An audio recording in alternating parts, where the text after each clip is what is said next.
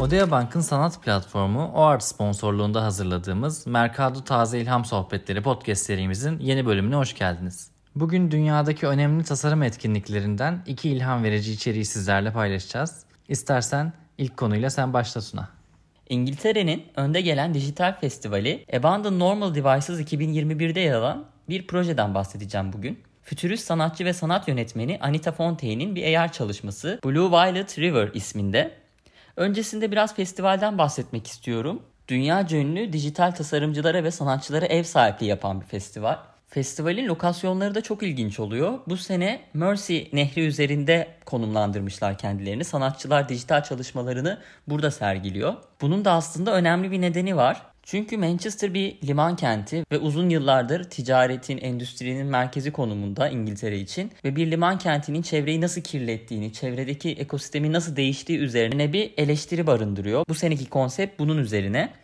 Film gösterimleri, görsel işitsel performanslar, ses enstalasyonlarının yer aldığı program kapsamında kentteki konteyner limanlarından okyanus tabanının derinliklerine kadar nakliye, enerji ve siyasi güç yapılarının akışını takip ediyor festival. Endüstriyel kimyasalların ve mikroplastiklerin canlılar üzerindeki etkilerine de vurgu yapan bir konsepti var bu sene.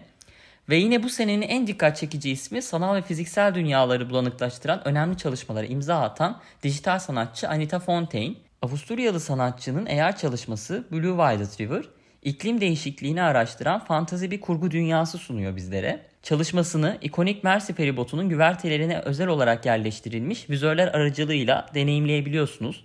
Nehrin kıtalar arası ticaretinden gelgit akıntılarının çektiği düzenli deniz anasına kadar Mersi Nehri'nin endüstri sonrası değişen ekolojik düzenini şakacı bir dille çarpıtıyor ve geleceğe yönelik teknofantazi bir perspektif ortaya koyuyor. Biliyorsunuz sizler için bir link hazırlıyoruz görsellere bakabilmeniz için. Hazırladığımız linke mutlaka bakın. Çünkü Anita Fontaine'in bu Blue Violet River çalışması gerçekten çok eğlenceli ve farklı bir perspektif sunuyor. Ve iklim krizini çok farklı bir dille eleştiriyor. Hem eğlenceli hem de fütüristik bir dille eleştiriyor. Vizör dediğimiz şeyler aslında herkesin kendi deneyimleyebileceği ekranlar. Oraya gidip baktığınız zaman nehrin üzerinde Anita Fontaine'in tasarladığı AR'ları görüyorsunuz. O modelleri görüyorsunuz. Çok ilgi çekici bir çalışma. Bu çalışmanın görsellerini ben daha önce görmüştüm aslında hızlıca ama hikayesini ilk kez dinliyorum şimdi senden ve bence çok güzel etkileyici bir çalışma olmuş. Aynı zamanda bu çalışmanın uygulama yeri yani bu AR deneyiminin yaşandığı yerin de feribotta olması, feribotun o ikonik feribotun hali hazırdaki vizörlerinin kullanılması bence çok uyumlu ve deneyimi de muhakkak arttıran bir element. Aynen bu çalışmanın da ötesinde bu Abandoned Devices Festivali aslında çok özel bir proje. Çünkü dijitalleşen bir dünyadayız. Biliyorsun tüm sanat ve tasarım etkinlikleri hibrit şekillerde yapılıyor. Ama bu festivalin özelliği şu. Dijital tasarımcılara ve sanatçılara gündemdeki konuları ve sorunları kendi tarzlarıyla ve yaklaşımlarıyla ifade etme fırsatı veriyor. Bu festivali çok değerli buluyorum ben. Ee, şimdi İngiltere'deki bu dijital festivalden aslında tüm dünyanın gündeminde olan tasarım ve sanat dünyası için çok önemli bir yere sahip olan Mimarlık Bienali'ne gidelim. Venedik Mimarlık Bienali bu senede birbirinden özgün ve heyecan verici pavilyonlara ev sahipliği yapıyor. Dediğin gibi senin de bütün tasarım ve sanat dünyasının gözü şu an bu Bienal'de. Bugün No Just Architecture'ın tasarımı olan Letonya pavilyonundan bahsedeceğim.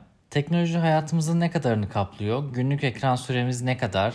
Teknoloji yaşam alanlarımızda ne kadar yer kaplıyor gibi sorular bu pavilyon tasarımının çıkış noktasını oluşturmuş. Letonya pavilyonun tasarım ekibi Venedik Mimarlık Bienalinin bu yıl için seçtiği soru olan birlikte nasıl yaşanır sorusunu biraz daha özelleştirmişler ve teknolojiyle birlikte nasıl yaşanır olarak yorumlamışlar. Mimarlık perspektifinden baktıklarında yaşam alanlarımızda teknolojik altyapı elemanlarının gittikçe daha fazla yer kapladığını gözlemlemeleriyle tasarım süreçleri başlamış.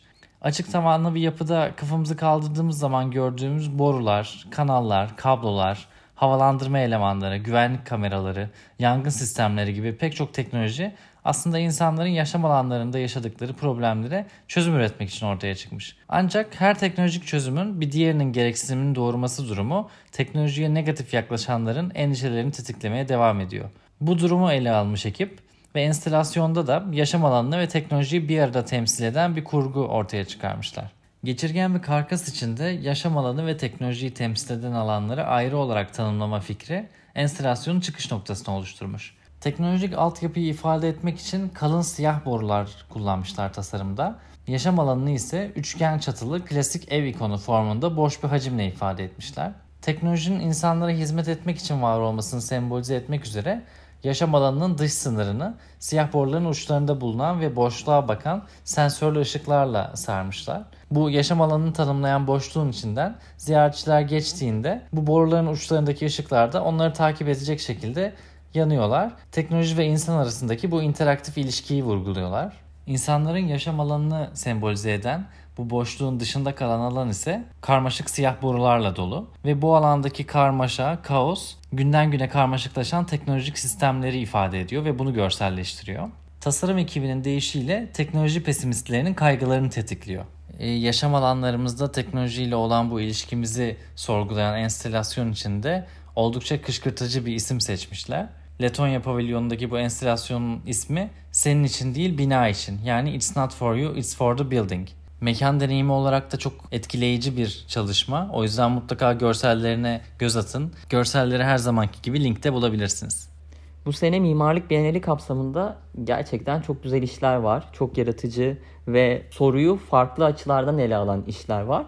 E, bu çalışmalardan birisi de sevgili Neyran Turan'ın Türkiye pavilyonu. Bununla ilgili de çok detaylı bir içerik hazırlıyoruz sizlere. Basılı edisyonumuzun yeni sayısında sizlerle olacak. Bu arada basılı edisyonumuzun da haberini verebiliriz. Eylül'de ikinci sayımız çıkıyor. Yine tasarım ve sanat dünyasına ait çok özel isimlerin yer aldığı, çok özgün projelerin yer aldığı bir içerik olacak. Onun da şimdiden hani duyurusunu yapmış olayım. Odea Bank'ın sanat platformu OART sponsorluğunda hazırladığımız Mercado Taze İlham Sohbetleri podcast serimizin bir bölümünün daha sonuna geldik. Bir sonraki bölümde görüşene kadar kendinize iyi bakın.